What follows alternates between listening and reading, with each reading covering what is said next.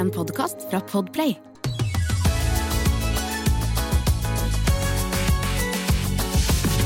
Jeg bare beklager at jeg har dratt med dere i denne øh, være for sen-greia. For nå var vi, vi, nå, vi var for sene igjen. Beklager du til lytterne som hører på, eller beklager du til oss? Nå beklager jeg til dere. For lytterne merker jo ikke at vi er litt uh, seine i studio, så Men de kan høre det på, på pusten. Men jeg vil gjerne forklare hvorfor vi er for sene. Ja. Eh, og det er fordi vi er eh, litt godt brisende alle sammen. Fordi for i dag eh, når vi spiller inn, så er det kvinnedag 8. mars, og vi har vært på Teaterkafeen for å feire det med Og en liten delt et lunsj. par glass med sprudel. Og Trude Drev Trude Drevland. Trude Drevland! Trude Drevland. Ja, var på Teaterkafeen. Altså, hun var en parodi på seg sjæl. Det var hun. Teaterkafeen er jo en parodi på Teaterkafeen, hvor kulturpersonligheter På det ene bordet så satt hele redaksjonen til Et kunstnerliv på NRK. Ja. Et fantastisk TV-program. Trude Drevland kommer inn i min, min kåpe og kjører hyllest til deg, Ingrid Vik Lysne. ja, for Farmen-deltakelsen. Ja. Det var jo kjempekult. Jeg ble jo helt starstruck. Så skitta hun en bok, en ny kokebok fra Trude i vår eh, retning. Trude Drevlands tradisjonsretter. Hashtag reklame for Trude Drevland. Så jeg bare, jeg tenker akkurat denne kvinnedagslunsj Jeg ku- jeg kunne ikke vært feiret bedre. Nei. Akkurat denne kvinnedagen. Det var en parodi på en, eh, på en kvinnedagslunsj. Hva betyr kvinnedagen for dere, mine medkvinner? Eh, Det betyr å være brisen på kvinnedagslunsj. Altså, jeg skulle på en måte ønske at det betød litt mer. Og det er ikke fordi jeg ikke er feminist. Jeg er veldig feminist og har jobbet for juridisk rådgivning for kvinner og holdt på ganske sånn hardbarka feminist. Ja, men jeg har vært hardbarka feminist.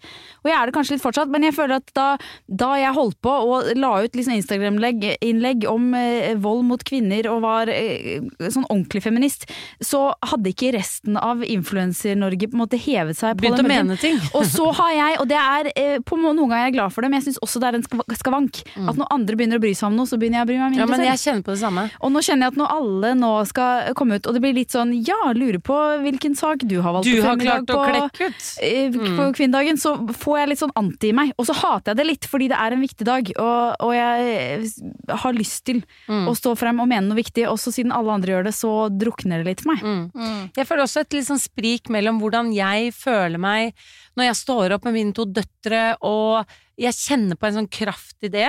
Mm. Men så er det på en måte den offentlige figuren som på en måte Det ligger en liten forventning om at alle skal si noe, og Ja. der føler jeg at det går litt sånn inflasjon. At det kan bli sånn Nå er det så mange meninger at de nesten no, Det kan miste litt verdi, for det blir det kan oppleves som en sånn konkurranse i hvem har klekket ut det lureste. Og så eh, kjenner jeg litt på at eh, jeg føler vi driver med så mye feministisk til daglig. Altså, det er jo veldig få selskaper som startes av kvinner, og vi har startet Mm. et fullstendig kvinnedominert eh, selskap. Eh, og vokser, og det går bra. Og jeg føler meg på sånn feministisk kraft i det at vi satser og vi tør liksom i, i gründerverdenen. At da når kvinnedagen kommer, så er det sånn ja, men jeg holder på med dette Ja, ja. kvinnedagsgreiene hver dag. Hver dag, ja. Men det er kanskje litt, kanskje litt arrogant å si, eh, å si også. Og så handler det kanskje mer om å løfte blikket. At vi står i vår Vi er på en måte i vår tilværelse og kjenner på disse tingene hver eneste dag. At vi, herregud, vi har, det er masse risiko. Vi har investert så mye i å på en måte ha kontroll over egen fremtid og drive vårt eget selskap. Og så er det liksom det å løfte blikket, som vi også har gjort i dag i forhold til eh, at det jobber 40 millioner kvinner i tekstilindustrien verden over. Og de jobber der av helt andre grunner enn oss. Og Mm. for oss så er jo det å jobbe i tekstilindustrien Det er frigjørende. Vi har startet et eget selskap, vi er selvstendige, vi har investert i egen fremtid. Vi elsker å kunne sitte og sy, og vi gjør det av fri vilje, og vi føler oss sterke når vi gjør det. Mm. Men så mange kvinner er låst i symaskinen fordi vårt forbruk gjør at så mange jobber under forferdelige arbeidsforhold. Det er helt sant. Here, Og, eh, og tekstilarbeidere de er blant verdens aller fattigste arbeidstakere. Mm. Eh, så der er det Det er selvfølgelig stor variasjon over hele verden, men i liksom de verste landene i Asia så er det eh, slavelignende forhold på en del, eh, en del tekstilfabrikker, hvor folk jobber opptil 16-18 timer i døgnet. Mange må forlate barna og over til familiemedlemmer for å kunne jobbe da egentlig under sånn, helt sånn slavelignende forhold, for en lønn som ikke engang dekker deres grunnleggende behov. Mm. Så det er mange med helt forferdelige livsskjebner som har sydd mange av de plaggene vi, vi kan kjøpe, og er grunnen til at vi kan kjøpe det super, superbillig. Mm. Og det kjenner jeg liksom, det kjenner jeg at jeg får lyst til å engasjere meg litt i på en dag eh, som dette. Mm. Hvor sånn, jeg tenker noen ganger på når jeg sitter og syr foran symaskinen, man er litt sånn litt krummet rygg og på en måte sitter der med sånn hodet litt nedi og, Mm. og driver og dundrer og syr, eh, så gjør jo vi det ja, som en sånn skikkelig frigjøring. Både for å kunne lage våre egne klær som passer til egen kropp, akkurat de klærne vi ønsker oss, men, eh, men eh, samtidig også bygger et selskap på det. da. Mens veldig mange sitter i akkurat samme positur på akkurat samme tidspunkt. Og syr- gjør det akkurat det samme. ja, men så syr de kanskje én søm hele tiden. Det er ganske vanlig på fabrikker Mm. at man liksom spesialiserer seg si, på én søm på plagget. Så de syr kanskje en sidesøm hele Mm. dagen drr, gjennom hundrevis av plagg i løpet av en dag. Og vi Mm. gleder oss til å, til å vise det til vennene våre, og til å ha på oss det vi selv har sydd, mens de gleder seg til å, å dra hjem til familien sin, kanskje. Om Kanskje hvis de får ferie. åtte-ni timer. Mm. Eh, og håper at eh, de får dratt med seg en pose med ris på veien, på en måte. Ikke sant? Men så eh, tenker jeg litt sånn, ok, hva kan vi gjøre med det? For jeg, jeg dras eh, også litt grann mellom sånn eh, ja, hvis man lar være Altså den umiddelbare, hvis man lar være å kjøpe fast fashion-plagg. Nå er det mange miljøgrunner også til å gjøre det, da, men vil det gjøre kvinnene, eh, disse kvinnene sitt liv bedre? Så jeg, nei, kanskje ikke umiddelbart, hvis det gjør at de mister jobb på fabrikken og livet blir enda verre, liksom. Um, men så tenker jeg at det er jo en åpenhetslov som har tredd i kraft. Vi har hatt besøk av en av de som har jobbet med åpenhetsloven i en tidligere episode i, i, pod, podkastsesongen vår. Eh, og den åpenhetsloven gjør at vi som forbrukere har faktisk krav på å vite hvor alle tingene vi kjøper er produsert. I hvert fall hos de største selskapene, Mm. og hvordan. Eh, og det eh, gjør at vi kan faktisk, hvis jeg vil kjøpe noe på Mango, da, la oss si det er en topp på Mango, så har jeg egentlig krav på å gå til Mango og si hei, hvor er denne toppen her produsert? Det er dere nødt til å, å vise meg. Mm. Og det tenker jeg både oss, nå syr vi veldig mye og kjøper veldig mye brukt, men innimellom må vi også ha nye ting, og til deg som hører på, den åpenhetsloven er til for å brukes. Mm. Og Så- nye tekstiler. Altså sånn, det må ikke være klær engang. Det må være all, alt fra liksom skruer eh, Mm. Eh, på, på jernvarehandleren til Hvis du eh, selger noe, så må du kunne fortelle hvor og under hva slags forhold Mm. den tingen er produsert. Og utfordringen her ligger jo at veldig mange store aktører bruker masse underleverandører. Mm. Eh, og det må de også ha kontroll på. De må Mm. egentlig ha kontroll på alle ledd. Eh, og så er jo konsekvensene ganske kule òg, fordi hvis det viser seg at eh, et selskap, en merkevare, har produsert noe som har ledet til, til eh, unødvendig forurensning, eller har ledet til brudd på menneskerettigheter, så må de kompensere for den skaden de har gjort. Mm. Så dette er liksom økonomiske sanksjoner som trer i kraft hvis det avslører, eller man finner ut, Mm. at um, det har blitt gjort skade under produksjon. Så åpenhetsloven heier vi på. Ja, ja. og vi heier ikke bare på åpenhetsloven, men vi heier på deg som hører på, som har lyst til å ta den i bruk. Fordi Enig. den åpenhetsloven, for at eh, de aktørene faktisk skal ta på alvor og Det er mange sikkert som tar det på alvor fra før av. Men for å pushe dem litt ekstra, så er det viktig at vi som forbrukere tar kontakt og krever å få vite hvor produktene vi har lyst til å kjøpe er produsert. Så du som hører på, ta kontakt med Mango hvis du har lyst til å kjøpe den Mm. T-skjorta, da. Og hør om de kan fortelle deg hvor og hvordan den T-skjorta er produsert. spør de som jobber der. Spør de som jobber der. Og hvis de får for mange spørsmål de ikke kan svare på, så kommer de til å rapportere det til sin leder. Så klatrer det oppover i systemet, og så må Mm. de som jobber der, få mer kunnskap. Mm. Og send mailer også hvis du handler på nett. Men dere, nå Eller koker faks. det, Eller faks.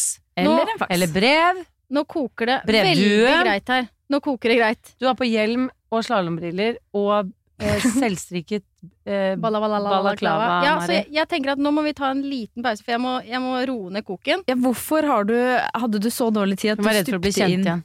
Hun har blitt litt paranoid. Ja, vi lagde jo en reklame litt for litt siden. eh, for liksom på, på stell, hvor jeg da var på Oslo City ikledd på Stella-drakten vår. Ja, du var på superhelten var- vår på Stella. Ja, og jeg var faktisk veldig redd for å bli kjent igjen i dag. Mm. Så jeg tok på meg ekstra beskyttende antrekk, sånn at jeg ikke skal bli gjenkjent på, i offentligheten. Og så kan du ikke bli gravid heller når du har på dette. det kan jeg ikke, fordi For du ser så rar så ut. digg er jeg ikke. Men Mari, du la ut en post i dag, Jeg jeg må også ta på med kvinnedager. Vent, da. Sånn. Skal jeg holde eh, telefonen? Jeg holder faktisk på å tisse på meg, ja. det er som man glemmer når man er bitte litt er på er det. Glemmer å tisse. Jeg vet det. Men Mari, du la ut en post i dag også om eh, det at du kan eh, gnafse i deg angrepiller som om det var cheesedoodles. Fy faen, det gjør jeg ikke. Men jeg har i hvert fall muligheten. Ja! Og det er jo helt nydelig. Og at man faktisk kan gå på vanlig dagligvare og kjøpe prevensjon. Mm. Og jeg er ikke den typen som syns at, eh, at kondom er lamet. For fetteteit. Fetteteit. Jeg syns kondom er noe av det mest frigjørende som, som fins. Ja. Den tar kontrollen tilbake i, i våre Seksuelle liv! Seksuelle, liv, jeg skulle til å si er hender, men nei! Det er den Du må jo bruke hender, eller noen påfører den bare med munnen, og Ja, det er visst et partytriks. Ja, det var det jeg prøvde da helsesøster i 10. klasse kom og skulle Det få oss til å tre på kondom på Det Det var banan. første seksualundervisning. Er Er det noen som vet hvordan man påfører denne, og du bare Jeg rakk opp hånda. Oh, Jeg er flink elev, vet du. Jeg rakk opp hånda og gikk først. Deep-throater den Ah, bananen du ja, får utdelt ja, ja, av helsesøster. Det var det jeg gjorde. Men ja, fy faen, vi er heldige her i, her i Norge. Og så kan man tenke at eh, å, så uheldig de er i de og de og de landene. Og så ser man litt sånn bort på siviliserte vestlige land hvor det plutselig blir vanskeligere å ta abort. Mm. Mhm. Det blir ulovlig med å snakke om seksuell legning med barn. Mm. Det blir ulovlig med dragshow. Og vi bare Å ja, ok. Så det Dette, an. vi må kjempe. ja, ja, ja. Vi kan ikke We cannot rest. Mm. We cannot rest. Vi kan hvile iblant, ta en liten dupp, Mm. men vi skal ikke sove. Det er, lov, det er lov å legge seg litt på sida og bli rimma bitte litt og kose seg litt, men vi skal ikke, vi skal ikke slappe av for mye. Mm -mm. Bruk kondom, da. Enig. Er jeg den eneste som Hopper over streker på gata. syns det er litt rart med Ikke lunka vann. Litt godt av Noen ganger syns det er gøy å Sette pris på en god runde med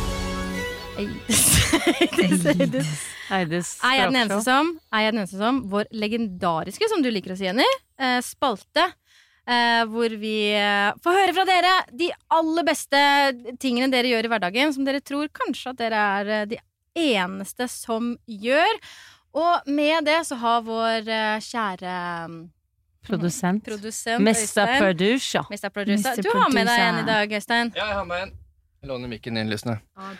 Er jeg den eneste som syns synd på matrestene når jeg må kaste dem? Altså, tenk eksempel på en kikert, eller noen kikerter som har blitt dyrket et eller annet sted på andre siden av kloden. Blitt transportert til Rema, gjennom handleposen til meg, kommet opp i gryta, blitt behandlet, kommet på tallerken, men akkurat ikke blitt spist, og så går det i søpla. Det er trafficking, rett og slett. Du- Men du gir dem personlighet, på en måte. Åh, nei, Øystein, du er ikke den eneste som. Jeg føler også veldig sterkt på dette. Men jeg kjenner, altså kikert Jeg har vokst opp med og lært at planter ikke har følelser. Jeg vet ikke, Kanskje det kommer til å endre seg i løpet av tiden vi lever i. I don't know. Men de får jeg ikke så vondt av. Men jeg får veldig veldig vondt av dyr. Altså kjøtt. Ja, kjøtt. Jeg ikke har spist opp på tallerkenene. Det verste jeg kan se for meg, er sånn eh, Hvis det er en kylling, for eksempel. Eh, som har da altså blitt først oppfostret og kanskje kommer fra litt dårlige kår og har hatt blitt født. Først har blitt sier det hvis du kommer ut av et egg. blitt født, klekket ut av egget, liksom kjempet en kamp for å knekke seg ut av egget. Og så har den kanskje levd på betonggulv sammen med søsknene sine. Og fått prosessert lite- mat i tillegg. Fått masse prosessert mat. Vokst i rekordfart. Hadde kanskje vondt i knærne, for den vokser så fort at den klarer ikke. ikke sant? Levd et, et fælt liv med ett formål. Og det er at det skal være digg mat for meg på tallerkenen. Og så Lårfille. sitter jeg der og spiser, så er det sånn «Ja, men jeg tok en is etter lunsj i dag, så jeg var ikke så sulten, jeg. Og så lar jeg være å spise den opp, så den havner i søpla. Altså, jeg kan ikke, jeg kan ikke tenke meg en tristere skjebne. Nei. Jeg kan ikke tenke meg det. Det er fælt. Og jeg føler også at jo nærmere du er råvaren, og det er det mange som snakker om at du skal spise ting som er nærme råvaren Jeg får ikke vondt av hummus. Nei. Eller liksom, jeg får ikke like vondt av ting som er liksom blanda med ting og Ting som er Hvorfor ropte du avokado, Mari? Fordi den kommer langtveis fra. Ok. Avokado! Vi produserer okay. ikke den i Den er Norge? grei. Nei, den er reist langt, jeg er enig. Akkurat som hummusen. Men også, jeg hadde en, jeg hadde en um, boks med pinnekjøtt. Som jeg fikk som en gave. Som kort, altså ikke kortreist, men pinnekjøtt fra sauer i Valdres. Det var sånn Det var veldig sånn Disse har levd på De har gått på sånn naturbeite. Det var sånn Og da tenker jeg at det er et bra valg hvis du først skal spise kjøtt, men det er jo enda verre! For jeg fikk aldri lagd det pinnekjøttet, for jula kom som julekvelden på denne kjerringa. Ja. Og jeg fikk aldri lagd den pinnekjøttmiddagen, for det var så jævlig mye greier. Ja. Og så merker jeg at datoen begynner å tikke, og jeg har aldri lagd pinnekjøtt før. Og jeg fant aldri anledningen. Og den pakken bare ropte på meg i kjøleskapet. Jeg følte at Og jeg visste at dette var liksom sauer som hadde beita fritt. De hadde også hatt et litt nydelig liv. Ja, Nydelig re. Men da er det det, litt de var jo personifisert da gjennom, eh, gjennom eh, den informasjonen jeg hadde fått. Og da gikk jeg til det steget at jeg tok bilde av pakken og sendte For det var, da ville jeg ikke kaste det. Og Nei. det syns jeg er så bra. Litt ref klær av god kvalitet. Mhm. Vil du gjerne gjøre en effort for at de skal videreselges. Du slenger ikke en, en kasjmirkåpe i Fretex-beholderen. Den vil du selge. Så det var viktig for meg å, at den fikk nye eiere, den pakken med pinnekjøtt. Ikke sant? Så da tok jeg bilde og la ut i sånn familiechat og en sånn nabochat, og så var det noen som kom og hentet den pakken. pakken. Og det ville jeg ikke gjort med en pakke kjøttdeig. Ikke sant? Nei. Så nok en grunn til å kjøpe ting som du får nok informasjon Som har fått verdi gjennom For deg. informasjon. Enig, men så tenker jeg også litt at jeg orker ikke engasjere meg kjærlighetsfullt til alt det jeg skal spise for å på en måte ha respekt for det. Så jeg tenker også man kan eh, engasjere seg litt ved å tenke på hvor ille det dyret kan ha hatt det. Og at man dermed hvert fall Altså fordi, ok, dine lam eh, kan man si at hvis ikke du spiser det pinnekjøttet, greit, men de har fortsatt de har hatt et verdig liv. Ja, men det var også litt Min sånn waste i kvaliteten på Ja, Skal sant. ingen nyte dette fantastiske Når først, først en bonde har gått gjennom Ja, det er godt eh, det arbeidet med å lage dette på skikkelig måte, Godt og ha god dyrevelferd Og det er jo mer komplisert å hente ned eh, kyr fra et eh, beite oppe i Valdres enn å bare hente de i et fjøs. Ja. Så jeg syns jo også på en måte den jobben skal få um, Det er jo mye sånn Kyra, Kyra, kyra, kyra, kyra.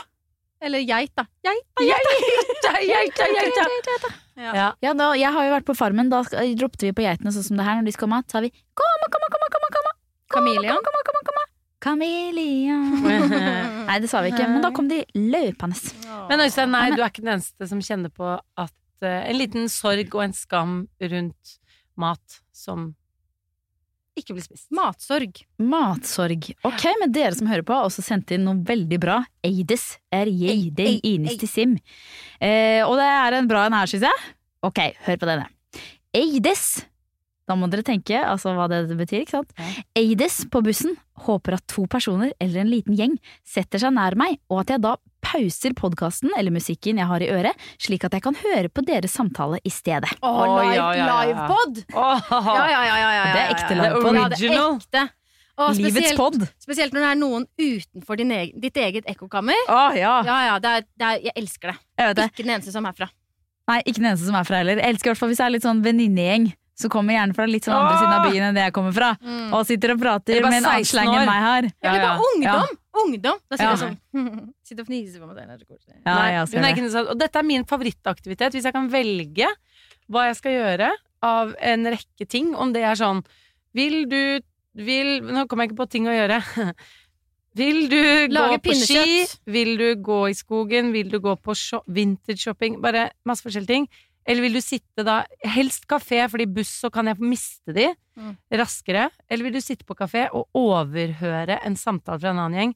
Jeg velger det over så mange andre ting, liksom. Mm. Jeg, jeg syns det er helt fantastisk. Mm.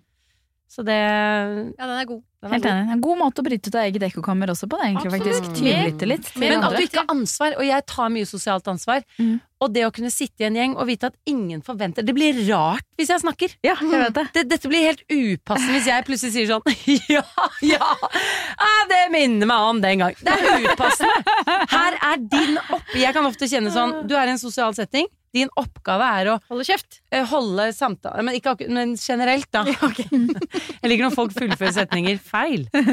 Jeg skjønner for å gjøre det selv. Mari Og si sånn, ja, ja. Men eh, jeg kan kjenne på sånn Din oppgave i denne sosiale settingen i en, når du er sammen med vennene dine og sånn, er sånn du skal holde flyten gående. Du skal sørge for at det blir snakket. Mhm. Mens din oppgave i den settingen, det er å holde kjeft. Jeg vet, det er Og deilig. njute. Men har dere det litt sånn at dere har litt lyst til å si noe, så begynner liksom hjertet å klappe litt, grann, fordi du føler at du nesten Du vurderer det, sier det? Ja. for det er litt lættis å si det. Ja. Og så kan jeg også kjenne på, hvis jeg merker at det begynner å lugge litt i samtalen uh, Hvis jeg sitter uh, ved siden av et, uh, to venninner, så merker jeg at de begynner å gå tom. Og så bare koser jeg meg med at jeg ikke er i den situasjonen. Ja, jeg er er aldri tom. ikke Nei, men det, det er ikke jeg som må Jeg også. prøve. Eller jeg kan sitte sånn på siden med litt sånn oppfølgingsspørsmål. Sånn, ja, nå kunne du spurt om det, vet du. Ja, nå kan man Ja. på det. Men apropos tom, så gjør det ikke det. jeg var på gymmen på mandag, snikskryt. Apropos tom, ja. apropos tom, og da lå jeg og tok sånn der, øh, sånn der vekt på, ned på brystet. Brystpress heter det. Og jeg var så tom mot slutten. Mm. Og da, hun ved siden av meg, hun løfta vekten min opp for å hjelpe meg. Og så sa, møtte jeg henne på slutten av timen, og så sa hun sånn Jeg var så glad for at jeg kunne hjelpe deg med den vekten, fordi du har hjulpet meg så mye med syingen. det er så Ja, ja, det, var, det er hyggelig jeg, jeg klarte jo ikke å si noen ting, for jeg var så sliten. Jeg var, ja, så kult. jeg var helt ja. Nei, men det var skikkelig koselig. Tusen takk. Herregud, Og så hun, hyggelig. og hun hadde hørt på podkasten på vei til Nei. trening. Nei, så, ja, ja. tusen takk. du. Kjære deg. Takk, takk. Skal jeg ta en personlig? Ja, du kan ta en personlig. Ok. Er jeg den eneste som ikke avviser stalker eller ekser sånn at jeg I den grad jeg skjønner jeg burde, fordi jeg liker bekreftelsen? eh, nei, du er ikke den eneste, men av litt andre grunner, på en måte. Ok, okay. ok. Men jeg føler, Jenny, du må utbrodere. Hva, Nei, jeg hva har nå en type i DM Ja. som jeg skjønner det er ikke helt innafor, liksom. Nei. Og det er, det er et par stykker som svarer på liksom alt, og det er litt sånn seksuelle undertoner og sånn. ja. Og så vet jeg at det riktige er å si sånn øh, Liksom avvis, Ja. Men så koser jeg meg med. Fordi hver gang jeg legger ut noe, så vet jeg at det kommer en liten sånn Sikle, sikle, skulle ønske du satt på mitt fang! Og så vet jeg sånn Dette er ikke greit. Men jeg, jeg er liksom drevet av bekreftelsen som ligger i det. Så når jeg legger ut ting, så bare gleder jeg meg at jeg skal få en litt sånn herre sli, sånn, litt Litt sånn eh, seksuell eh, bemerkning. Ja. Og så er det noen ganger Og så er det blitt sånn Jeg har aldri svart, så jeg har ikke bekreftet. Det har aldri stått sett. Okay, fall But I see, I do see it. Yeah. I see it all. Og koser meg med det. Og så har, har det blitt sånn herre at eh, For jeg får svar på alt. Dette er liksom et par liksom sleazy greier. Og så, og så merker jeg at jeg også legger ut innhold og er liksom spent på responsen fra de sleazy stalkerne. Akkurat som José, Say, som vi har på Fabric. Ja, ja, ja.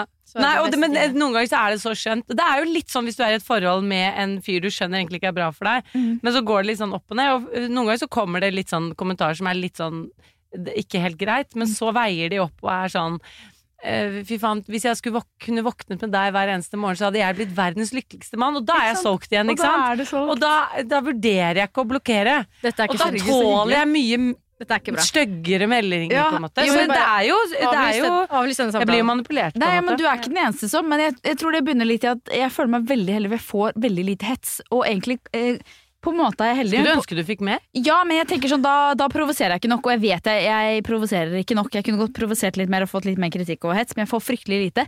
Så den lille jeg får, den tenker sånn Nei, nei, der kom den! Ja. Så hyggelig! Herregud. Så jeg har eh, en Det er ikke akkurat hets, men det er også meldinger med litt seksuelle undertoner. Jeg tror det er en sånn 14 år gammel gutt eh, som spør om jeg kan runke han. Ja. Eh, og han også tenker jeg det riktige er å blokkere. Men jeg syns det er litt spennende å se hva han finner på neste gang. ja. Så gode. jeg lar være. Og noen Ja. ganger har jeg faktisk svart også sånn Nei, dessverre, det har jeg ikke mulighet til. Bare for å se sånn, Nei, dessverre. Jeg, jeg skal snart Jeg er amputere armen. Jeg er litt opptatt. Jeg driver og holder noe greier, men det er bare derfor, altså. Jeg, Ja. Hendene mine er opptatt. Ja, ja, ja. Jeg driver med sånn tastatur, Ja. så jeg er opptatt. Jeg skriver er en skolestil om en frekk gutt som gikk i skogen og møtte en kvinne som var veldig interessert i søm. Mm. Du er faktisk Med gode eneste- sugemuskler, fordi hun sutter på tåteflaske Mm, selv om hun er en voksen Det, kvinne. det er derfor du får det, Det er derfor. derfor. Ja, det er burde derfor jo spurt om jeg skulle suge han, ikke om jeg skulle runke han. Herregud, amatør, ass. Ok, Er den eneste som sier at jeg tåler kritikk så lenge den er konstruktivt, men takler egentlig ikke kritikk så veldig bra? Er ikke det alle? Er ikke det alle? Jeg tror det. Det er så lett å si sånn Altså, gi meg gjerne kritikk så lenge den er konstruktiv. Ja. Ja. Og så i er undertekst er det egentlig bare sånn ikke kritiser meg, for faen! Det er, for det er så lett Du er så stor når du sier sånn Det er ikke konstruktivt, det blir personangrep. Eh. Som, og alle har trent seg til å si det samme. Og så når er det, det noe egentlig med- ikke er sant. Ikke sant, Du eh, avskjærer ganske mye kritikk når du eh, setter krav til at den skal være konstruktiv. Ja, ja, ja. For da begynner jeg å tenke, Hvis jeg skal kritisere noe, så bare er det konstruktivt? Å herregud, Da må jeg bruke ganske mange hjerneceller på Ja, ja. å formulere det på konstruktiv måte. Nei, da lar jeg heller være. Ja, Ja, ja. også, hvis det er bare kritikk, så kan man liksom la det gå. Men hvis den er konstruktiv, da må man faktisk tenke litt på det. Mm. Men denne var fra deg, eller? Jenny? Ja, jeg føler litt at jeg Denne var din egen, det var ikke fra min følger. egen, ja. Ja. Mm. Mm. Men jeg eh, har snakket med Jeg har en manager eh, som jobber i Plan B. Hun heter Kristina. Hei, hei, Kristina. Eh, hun fortalte om sin forrige arbeidsplass. Der hadde de en greie der de var veldig for at de skulle gi hverandre konstruktiv kritikk, Mm. men på et tidspunkt som passet. ja. Så de hadde visst en ting at sånn, hvis jeg skulle kritisert for eksempel deg, Jenny, så hadde jeg gått og sagt til deg sånn Jenny, er du mottakelig for kritikk nå? Ja. Og så måtte du svart ja eller nei. Oi! Og hvis du hadde svart da nei, ikke akkurat nå, så måtte jeg sagt ok, da tar vi det en annen gang. Ja, men da hadde jeg blitt så vente. nysgjerrig. Jeg hadde Ja. ikke klart å vite at noen skulle Jeg, jeg skal alltid rive av plasteret. Hvis folk sier sånn Du, jeg, jeg skulle gjerne snakke litt med deg. Kan du på tirsdag? Da blir jeg bare sånn Si Hvor er du? nå! Hvor er du? Jeg vil bare Fordi jeg syns belastningen av å tenke på hva som potensielt kan komme, er mye større Helt enn å få hva som helst i Jeg føler du skal ha ganske god selvkontroll og være ganske sånn eh, ha verden på din utside, hvis du klarer å si Ja. 'nei, vet du hva, akkurat nå kjenner jeg at jeg ikke er helt mottagelig'. Ja, ja, ja. Vi tar det på mandag. Men det, det er altså Ja, det er en måte å takle disse greiene på. Disse greiene. Som Disse heter greiene. konstruktiv kritikk. Som heter livet. Velkommen til Kjemperådet. Yes. Denne gangen har vi fått inn et kjempedilemma fra en familie. Okay. Jeg leser Hei, vi er litt uenige i familien her. Mm. Hvis du skulle vært et dyr, ville du hatt gjeller eller vinger? Oi, den er tricky. Ja, Hva ville dere hatt, da? Altså, jeg vet ikke, men Med familierabatt får du ubegrenset data fra Telenor fra 399 kroner. Da kan du scrolle seg til svaret, rett og slett. Ja, ok, Men for min del Ja. gjeller. Nei, nei, nei, nei, vinger. Nei, nei, gjeller. Ja, okay, ja, Kjempebra. Men eh, se nye mobilabonnement på telenor.no, da. Nå er det påskesalg hos Ark. Du får 30% på påskekrim og 40% på alle spill og puslespill. Jeg gjentar Ark har 30% på et stort utvalg krim og 40% på spill. Det er mye påske for pengene. Så hamstre påskekosen i nærmeste Ark-butikk eller på ark.no. 20 nye sparetips hos Kiwi. Mitt sparetips er nyheten fra First Price. Store tortillalefser. Garantert billigst i Kiwi. Nå får du First Price store tortillalefser til 29,90, First Price kjøttdeig av svin uten salt og vann til 29,90 og mange andre First Price-nyheter hos Kiwi. She's a lady! Oi, oi, oi. Vi lager en vignett! Vi lager en vignett! Det var ikke Alle sammen. Én, to, tre. She's a lady! Oh, oh, oh, she's a lady! Hva? Talking about a little lady. Du, du koser deg, Risne. Åh, jeg lukker øynene. Jeg måtte lukke øynene for å prøve å få den litt trestemt på en fin måte. Men Jeg feila litt, men vi kan prøve igjen neste gang. Nei, det er tre stemmer igjen trestemt, vet du. Det er, deg. tre stemmer trenger ikke være rent. Det er bare tre Mm, stemmer. det er det. det jeg pleier å si. Men i hvert fall, eh, denne vignetten er fordi at eh, jeg har et prosjekt i 2023. Jeg skal bli dame. Vignett. har vi kommet til Er det eh, mars. Vignett. Vignett. Eller er det ikke vignett med ving? Det er vignett. Jeg tror det var vignett, jeg. Vignett. Vignett! Produsent Øystein! Ikke sant? Dere må lese. Wow. Ja. V-I-G. Vignett. Er gøy. Ja, men den er grei. Jeg måtte bare rydde opp i det. Bare. om, Ja, det var bra. Jeg var ikke sikker på at jeg hadde rett, men ok. Vignett. Jeg skal bli dame i løpet av 2023. Jeg Har fått inn fantastisk mye gode innspill fra dere som hører på, om hva det innebærer å være en dame. Eh, Det er, vi må påpeke at du skal, bli en, du skal være en rå dame. Jeg skal rå dame. Jeg skal ikke være en gammel dame. Jeg skal være en 32 år gammel dame. Jeg er 31, jeg blir 32, og innen når jeg blir 32, skal jeg være en 32 år gammel sånn rå dame. Mhm. Ikke jente, men dame. Folk skal kunne si til meg, hvis barn for eksempel skal si sånn, se på hun damen der, ikke se på hun jenta der. Det er Mm, målet. preach, preach. Ikke sant? Mm. Og så var jo jeg ikke med i forrige podkastepisode. Da hadde dere heldigvis vikar Malin Nesvold. Mm. Og det var fordi at jeg hadde blitt eh, syk. Mm. Først liksom noe virusinfeksjon, og så eskalerte dette ganske kraftig. Mm. Så Du fikk en barnesykdom. jeg fikk en barnesykdom. Så eh, plutselig, fredagskveld, så satt jeg dypt nedi tacoen. Det var bare noen rester av tacoen og sånn eh, igjen. Og jeg og Andrea satt og så på film. Vi så på den derre eh, Der hestene Nei, ikke Der hestene løper, hva heter den? Ut og stjele hester! Ja, ja, ja. Og så ble jeg, Det var så dyster stemning, så jeg ble veldig trist. Så på slutten av den filmen, da rulleteksten kom, så begynte jeg rett og slett å gråte. Ja. Så måtte jeg gi Andreas en klem. Var så, det var bare så trist. Damer kan jo gråte. Damer kan gråte. Jeg har blitt litt mer i kontakt med følelsene mine, så jeg gråter litt mm. lettere. Men det var ikke så lurt å begynne å gråte med en sånn kraftig virusinfeksjon i halsen. Nei. Fordi det som skjedde da, er at den gråten utviklet seg til falsk krupp. Som babyer får. Som eh, babyer får. Som, og falsk krupp det er en sånn type litt sånn anfall du kan få, hvor du blir veldig veldig tett i halsen. Ja. Hvor det er, det er, for de som har astma, så er det på en måte det motsatte av astma. Det blir veldig vanskelig å puste inn, mens Mm. astma har jeg hørt er visstnok vanskelig å puste ut. Ja. Så du får sånn her Og for dere som tror at falsk krupp er liksom en falsk sykdom, det er det ikke. Det bare heter falskt. Ja. Mm. Det er bare tull og tøys. hvorfor. Hvorf- ja. Det er en ekte sykdom Mm. som heter falsk krupp. Ikke sant. Og det er sånn stort sett de som er to til fem år pleier å få, eh, og så får jeg det. Så jeg eh, har One en- step back in Project. Lady! Det var akkurat det. Men jeg tenkte ikke så mye på det akkurat da. Hadde men, du, du har jo også avslørt tidligere at du drikker av tottflaske hjemme, Ja. for du syns det er chill. Ja. Lå du da på sofaen etter du hadde kasta i deg taco og drakk av tottflaske og fikk falsk grupp? den, I så fall så er du farlig nærme baby. Ja, Mm. det, det kan ja, Enten så var den i oppvaskmaskinen, eller så sto den på bordet. Du har helt rett i det. Okay, så det kan, den var ok, der, ja. det Ja, det kan ha vært Hadde du på sparkebukse? Eh, Jeg hadde på joggedress. Ikke Ok. sant, ikke Og den ser jo litt Joggedress er faktisk ut. ikke på noe undertøy. Det skal høre til denne Ja, du historien hadde, her. ikke- så du hadde ikke på bleie? Jeg hadde ikke, god. ikke bleie, og ikke noe, ikke noe undertøy. Nei, Så jeg måtte ut på verandaen, for det er frisk luft hjelper når du får sånn falsk grupp. Og så ringte jeg med mamma, som jeg jo selvfølgelig ringer før ambulansen, fordi mamma er lege. Så hun er jo ambulanse, selvfølgelig. Så jeg ringte henne, og hun sa så jeg tror kanskje ikke du bør ringe meg, jeg tror kanskje du skal ringe ambulansen. Så Andreas ringte ambulansen, og så sa han sånn du, vi har en her med falsk krupp og lurer på om kanskje dere bør komme. Og da spør, spør AMK hvor gammel er barnet?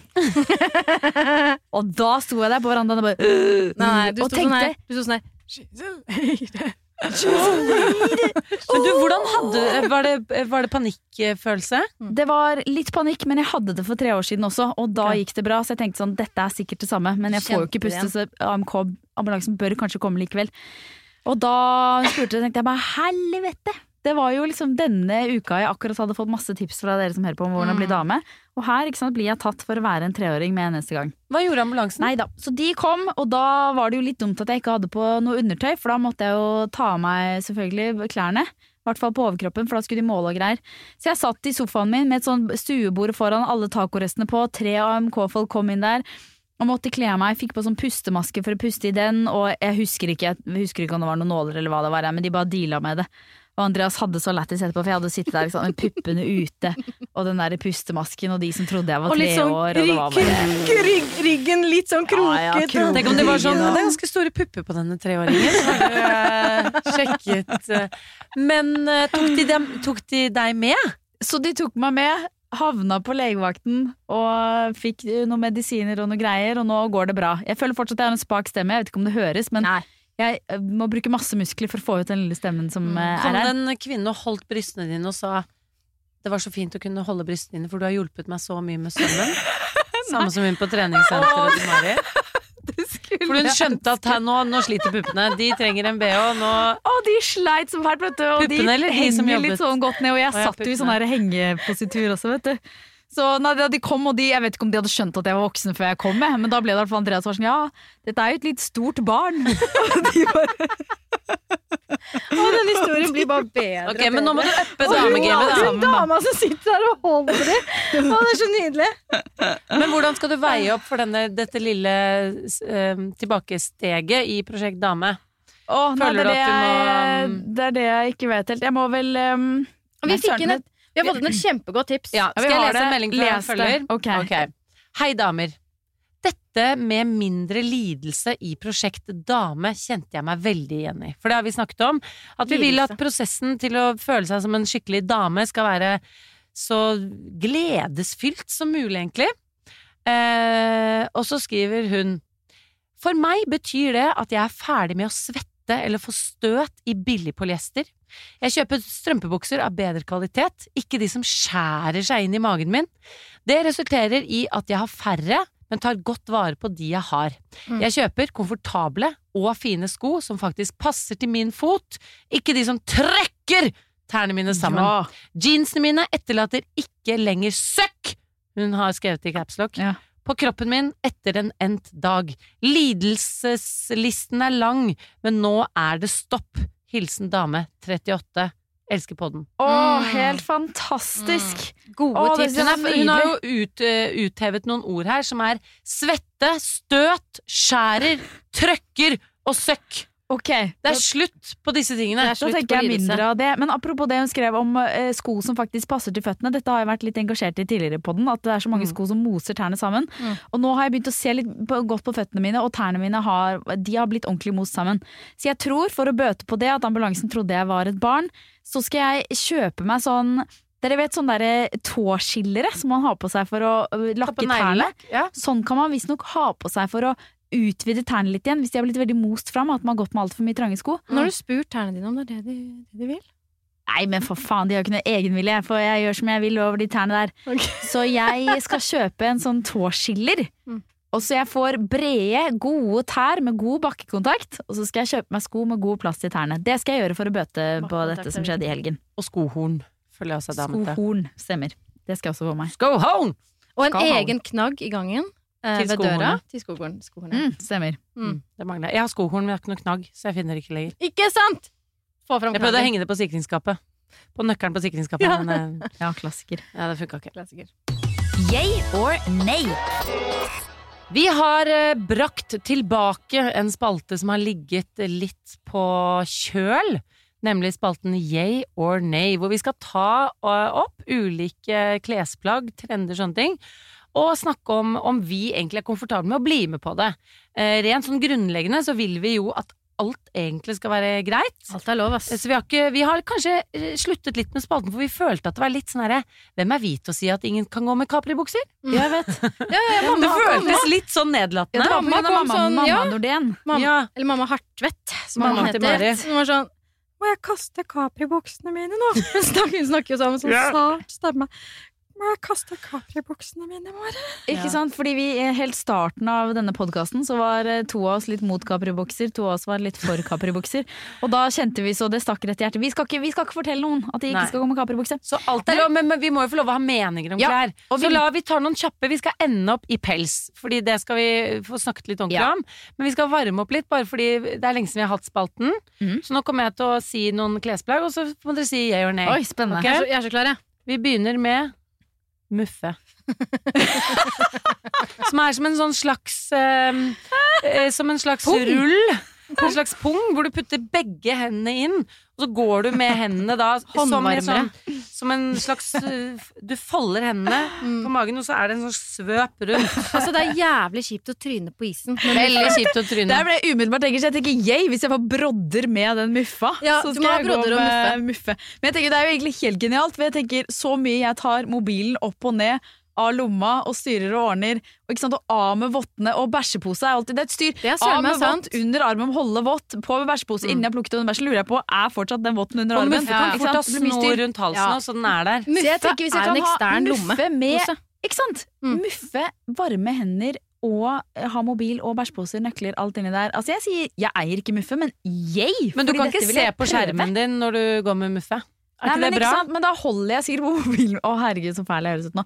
Da holder jeg på mobilen hele tiden, og så kan jeg bare ta den opp hvis jeg lurer på om noen har sendt melding. Mm. Og da har jeg en varm hånd, for jeg har også stått og prøvd å ta telefonen med iskalde hender. Ah. Det skjer ikke, så må du ta Mm. telefonen med nesetippen, og så får du snørr på mobilen.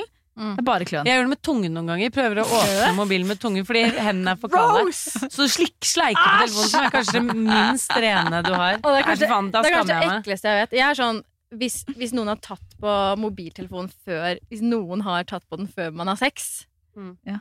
Blunk, blunk. Jeg skal ikke si hvem det er som potensielt kan ha Også, da, du vil ikke bli fingra av noen som har tatt på mobilen sin? det! Er det sant? Ja, faen, det aldri. Altså, det er så usexy, men jeg er sånn Kan du vaske hendene? igjen? Før du fingrer meg når du har tatt på mobilen. ja, ja, ja. Tatt på mobilen? ja, så ekkelt syns jeg det er. Ja, men tatt på andre ting òg? Er sånn, Vil du ha nyvaskede hender liksom uansett? Er aller mest mobilen. Aller mest mobilen? Fordi det er, den er så nasty mye bakterier på den. Å, Men det er vel en tvangstanke. Hvem vet? Noen ganger så ja, Da klarer jeg ikke å slappe av. Du, det er helt sikkert veldig lurt. Det er kanskje derfor jeg fikk falsk gruppe og alt. Fordi bare Andreas har bare fingra meg med sånn mobilhender. Og bare, er Han har fingra deg med mobilen. Ja, ja, det Fordi du, hvis du skal spare penger og du har sånn one call-greier, så du kjører bare sånn vibrasjon på mobilen. Du bare kjører den opp i. Nordkjosbotn. Så han står utenfor, og så putter jeg mobilen oppi, så ringer han meg. Nei, men angående Apropos muffe, da. Ja. Jeg tror jeg er altfor uh, alt for praktisk anlagt til å si yay til det. Fordi jeg orker ikke trynet, ass. Nei, nei, nei. Ok, neste. Ja. Sixpence. Yeah or nay. Jeg har Eh, sixpence, eh, som jeg arvet av bestefaren min. Og jeg elsker å bruke den. Um, jeg ser ikke kul ut, men jeg koser meg med det. Jeg tenker, Når jeg skal prøve å bli dame og ikke tre år gammel gutt så Jeg, kan, jeg tror jeg blir tre år gammel gutt, så jeg tar på niks, nickspence til og med. Jeg hadde på meg nikkers her om Nope dagen. Pens. Da så jeg for meg jeg kan ikke ha nikkers og sixpence. Nei, jeg tror Jeg vet ikke. Jeg har ikke prøvd, men jeg har ikke prøvd. Det er nytt for meg. Men, Men, jeg, men hva med jeg andre? Hva med mannen mann med sixpence? Hva syns du om det? Ja, Han må være er skalla. Hvis han er skalla og er sixpence, så syns jeg det er litt hot. Eller litt sånn Men sixpence er genialt å, til, å, eh, til å forkle en måned, da. Eller bare, det er jo kaldt, da, med utbar hud.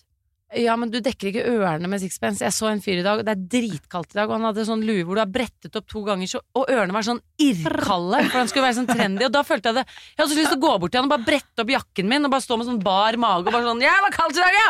For det er så ulogisk. Lue som Jobben til luen er å varme ørene dine, så har du brettet den opp to ganger, for det er litt sånn kult med sånn lue helt på toppen. Eller ta ørene hans og presse dem mot skrittet ditt så de blir varme. Mot vaginaen. Eh, jeg stoler ikke på menn i sixpence. Jeg, Gjør du ikke Nei, vet du hva, jeg sliter skikkelig med sixpence. Å, er det sant? Og det er mer sånn Det er ikke sånn stilmessig Nei, jeg, jeg syns sixpence hører med en personlighetstype som ikke matcher med meg. Mm. Ja. Jeg synes mer det er eksotisk, for jeg kjenner ikke så mange med sixpence. Så da tenker jeg sånn, hm, spennende kulturell. Jeg ser for meg at man er jo maler eller et eller annet sånt. Man, man jobber med kultur, eller så jobber man i kommunen hvis man har sixpence. Mm. Kultur eller kommunen. Ja, Kanskje det kombinasjon. Vet du Kanskje hva? kombinasjon. Neste uke så skal jeg komme med nikkers og sixpence. Okay! Vi møtte jo en veldig fi, kul fyr en gang som jobbet med kultur i kommunen. Ja, det Husker du det? Ja, det husker jeg. Som vi har harselert med masse, hvis du hører på. Halla. Vi var og tok badstue en gang, og Han så hadde vi veldig lyst til å Vår drøm var å utstille festdraktene på Deichman. Ja, Vi har tenkt sånn, herregud, Det store, nye Deichman i Bjørvika. Tenk om vi kunne stille ut festdraktene våre der, for det hadde vært fett. Det var en utstilling med Maskorama-kostymen i foajeen der, og det var liksom klesaktig. Og så satt vi i badstue, og så var det en fyr som var sånn Nei, jeg jobber med liksom kunst på Deichman. Og vi bare Oi, ok, okay. let's target. Hello? Så sto vi og skulle låse opp sykkelen vår, og så sa vi sånn Ja, jeg skjønner du jobber med kultur i Deichman. Og vi, vi driver med noe som heter Fabrik, og vi hatt et sånn festdraktprosjekt, og egentlig hatt veldig lyst til å liksom, ta kontakt med noen i Deichman og sånn. Han bare Nei! Og så sa vi Vi har sendt en mail til dere. Tror vi hadde gjort det. Ja. Så var han sånn Ja, det er ikke så lett for meg å holde oversikt. Jeg, har, jeg får 100 mail i året. Og når han sa det, så var vi sånn Å ja, shit. Ja ja. Og så etterpå så var vi sånn Han får en mail hver, hver tredje dag. og siden det så har vi hatt sånn, så har vi hatt sånn uh, intern greie hvor vi sier sånn Jeg får en Jeg får- mail i året. en, Det er mail, og det kommer hver tredje dag så er det en mail. Det er så slitsomt å jobbe, for jeg får mail hver tredje dag. Ja. Nei, så han, det var litt, han hadde sixpence. Ja, han hadde Det Han hadde på. Kanskje derfor jeg ikke stoler på det. Ikke Men så sant. kommer vi til kjernen. Nå har vi hatt det koselig, nå skal vi Ja, til eh, debatten. Mm. Pels. Jeg føler vi egentlig må skille på brukt pels og ny pels. Ja. Men vi sier pels. Ja. Yay or nay? Nei, da må vi skille på brukt pels og ny pels. Ja, men da kan du si det som en argumentasjon, da. Okay. jeg er veldig yay eh, for, for å bruke ting som allerede er produsert, u nesten uansett utelukkende hva det er. Mm. Eh, så yay til bruktpels. Det er et helt fantastisk naturmateriale.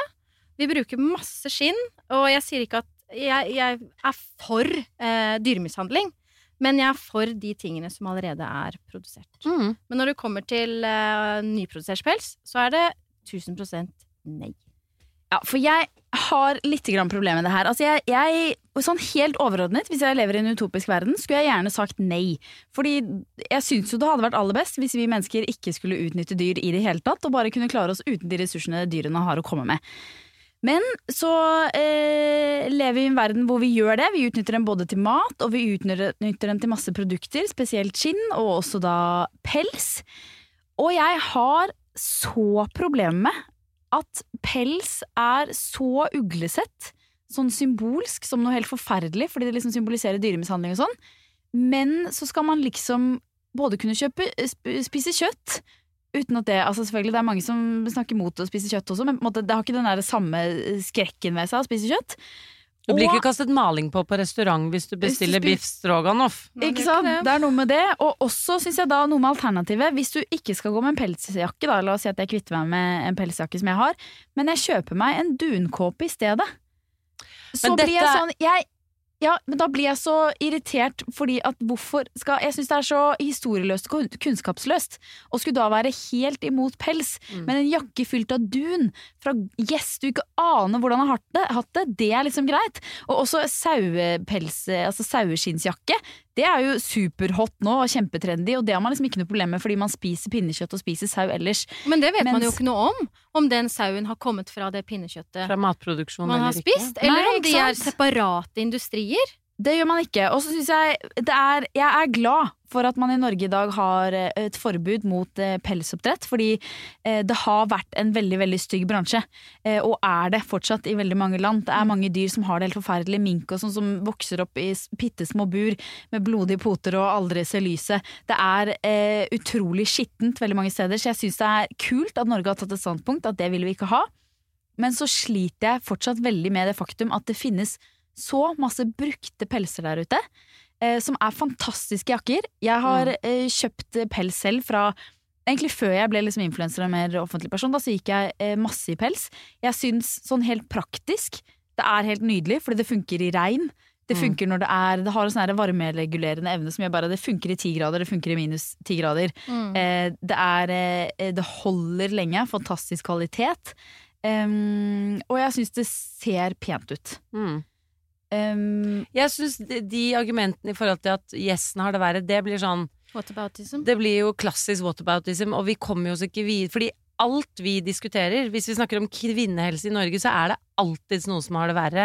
Hvis vi snakker om eh, at vi syns at skjønnhetsindustrien er drøy, så finnes det alltid noe verre. Jeg, Og da, jeg- da har vi ikke fokus på problemet. Vi må jo klare å se dette isolert sett og ta liksom ett problem av gangen. Og så er det litt sånn at eh, noen eh, problemstillinger har på en måte momentumer, hvor det er liksom tid og sted at vi snakker om de tingene. Mm.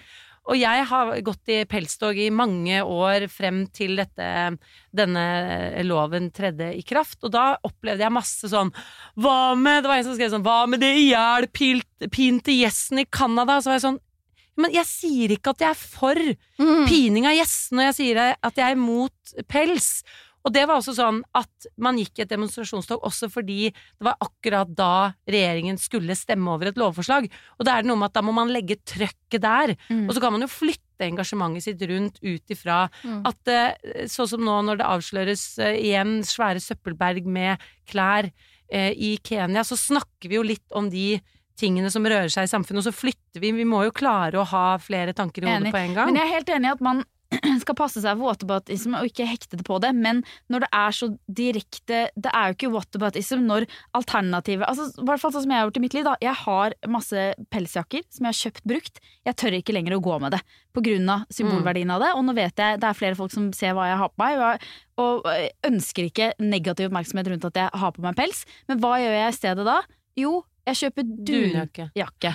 Som jeg ikke aner Kan godt hende de gjestene har hatt det bedre, men jeg aner ikke. Og da, måte, da velger jeg Nå har jeg for arvet en dunjakke, da, men den er ikke optimal i det hele tatt. Og måte, nå driver jeg og ser på nye dunjakker, liksom, Ja, ja. for å kjøpe meg det, istedenfor å gå med de pelsjakkene jeg allerede har. Og da syns jeg ikke det blir whataboutism, for da er det et faktisk valg jeg er nødt til å gjøre i livet mitt mot på en måte det ene brukte pelsen eller Mm. det nye dunet. Eller å kjøpe en ny dun. Ja, Ikke sant? Og selvfølgelig kan jeg kjøpe brukt jakke også, det er jo ikke det, men jeg tror veldig mange Det ligger jo veldig mye Det finnes så masse pelser der ute. Mm. Jeg har snakket med både Uff og Fretex som sier at de får inn så mye pelser, men det er ingen som vil ha dem. Det er ikke marked for å selge det. Og det syns jeg er synd, når det Ja, det finnes så mye gammelt, brukt, fantastisk materiale der. Og så prøvde jeg å google faktisk dette problemet en gang, og da kom det et dyrevern eller annen fra jeg husker ikke om det var Dyrevernalliansen, men et eller annet annet sted, hvor det var liksom anbefalt at man brukte gamle pelsjakker eh, som eh, underlag til katter, så katter Ja, ja. kunne ha det i burene sine og sånn. Så tenker jeg bare, dette er for uverdig nesten Ja. for de dyrene som da har Men jeg syns også at det, det at man skal ha en industri som bare er for å på en måte dekke menneskers forfengelighet, at det, eh, det syns jeg ikke vi skal ha heller, men jeg er helt enig at den ressursen som ligger i de kåpene som allerede fins, og så har jeg også tenkt sånn, jeg vet ikke om jeg vil gå med pels, fordi selv om jeg har en brukt en, så kanskje jeg påvirker noen til å ville kjøpe ny, men så er jo også det litt utopisk, fordi en ny pelsjakke hvis du går i en pelsforretning, så tror jeg det koster liksom 30 000-40 000. Så det er jo ikke tilgjengelig Men for folk samtidig, flest. samtidig blir, det, blir det populært nok, så plukker fast fashion det opp. Mm. Og det er, det er jo Og da begynner de å kjøpe Enig. Det er Og jo så er det der det verste, verste, verste ligger. pelser heller med full pelsjakke, men det er jo altså boblejakker med, med, med pelskrage, for eksempel. ja, ja. Det er masse av de, og så er jo ny pels som kommer fra, liksom, fra dyr som har, som har hatt det fælt, da. Mm. Men, eh, men eh, Jeg får så bare- vondt av sånne, sånne eh, nøkkelknipper. Og så Sånne ja, sånne joggesko med sånne pelsballer som er ekte pels. Jeg. Null funksjon. Liksom, Ja, det å sånn, pynte seg med Ja, huden til noen. Ah, fy faen, det syns jeg er så vondt. Enig, men så synes jeg det er en måte fin linje der mellom forfengelighet. Fordi sånn, sånn klassiske minkkåper, ikke sant? Mm. Sånn fra fine fruer som har hatt minkkåper liksom, på 80-tallet og sånn, det forbinder man jo med ypperste forfengelighet, fordi det er minkkåper man bruker sjelden og til fine anledninger og sånn. Men så eh, det, Vi bor jo i et iskaldt land der det å ha varme klær Mm. er en helt sånn nødvendighet, og det å gå i en saueskinnsjakke for eksempel på vinteren er kjempebehagelig og varmt. Og de holder lenge, og de er ofte Mm. ganske tidløse på en måte i stilen, så man kan gå med det lenge. Mm. Um, så det er jo, og det, det tenker jeg er nytte også, I mat også er jo for at man spiser mer vegetar, men jeg syns samtidig det er ok å spise kjøtt så lenge dyrene har hatt det bra. Mm. Og jeg tenker Så burde man jo bruke samme- hele dyret. Ja, man kanskje er det skal inn en merkeordning her òg, så Ja. vet om Og jeg synes På kjøttfeltet synes jeg man er flink til å, liksom, på, til å nyansere det og vite at det finnes kjøtt som er produsert under eh, gode dyrevelferdskår og dårlige dyrevelferdskår. Og noen velger det at de eh, blir vegetarianere for å bare slippe å på en måte, ta stilling til det problemet i det hele tatt. Og det syns jeg vi burde kunne tenke imot også. Jeg syns det er eh, på en måte fordummende når man på klesfeltet bare skal være mot mink, men sau er greit. Altså uten at det er liksom noen sånn refleksjon bak. Da. Og det tror jeg jeg kjenner at det er det som provoserer meg skikkelig.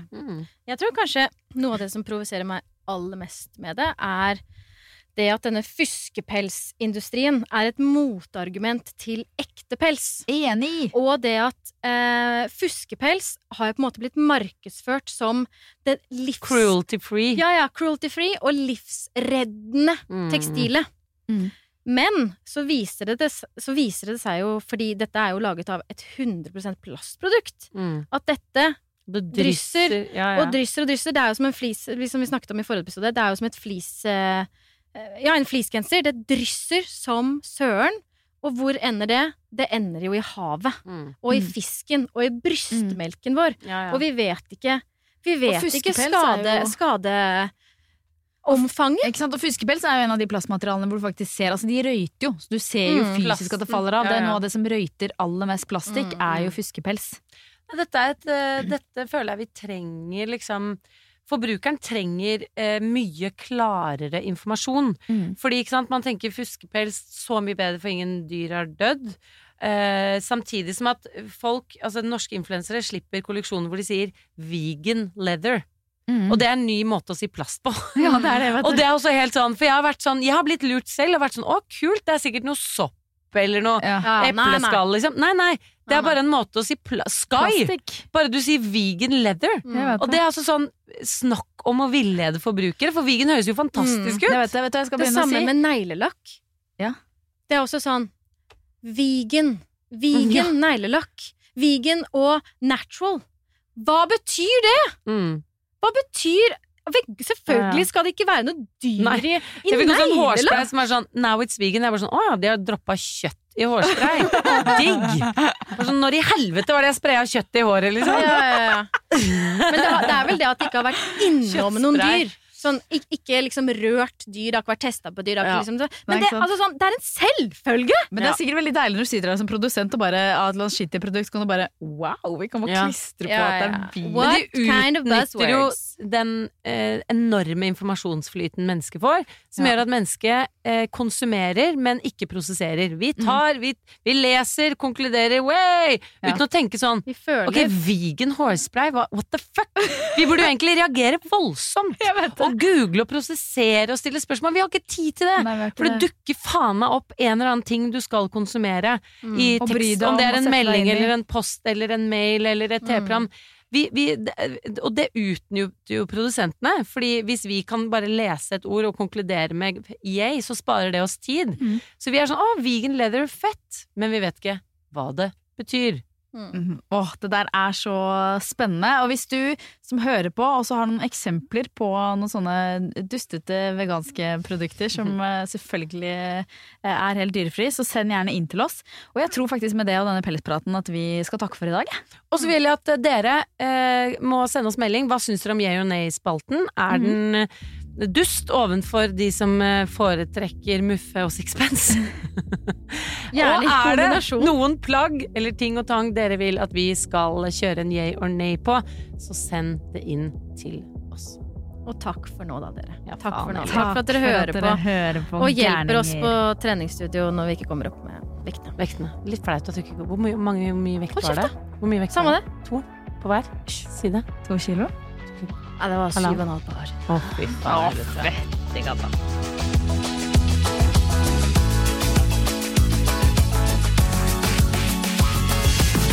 Du har hørt en podkast fra Podplay. En enklere måte å høre podkast på. Last ned appen Podplay, eller se podplay.no. Vi i Rema 1000 kutter igjen prisene, nå på en mengde påskefavoritter.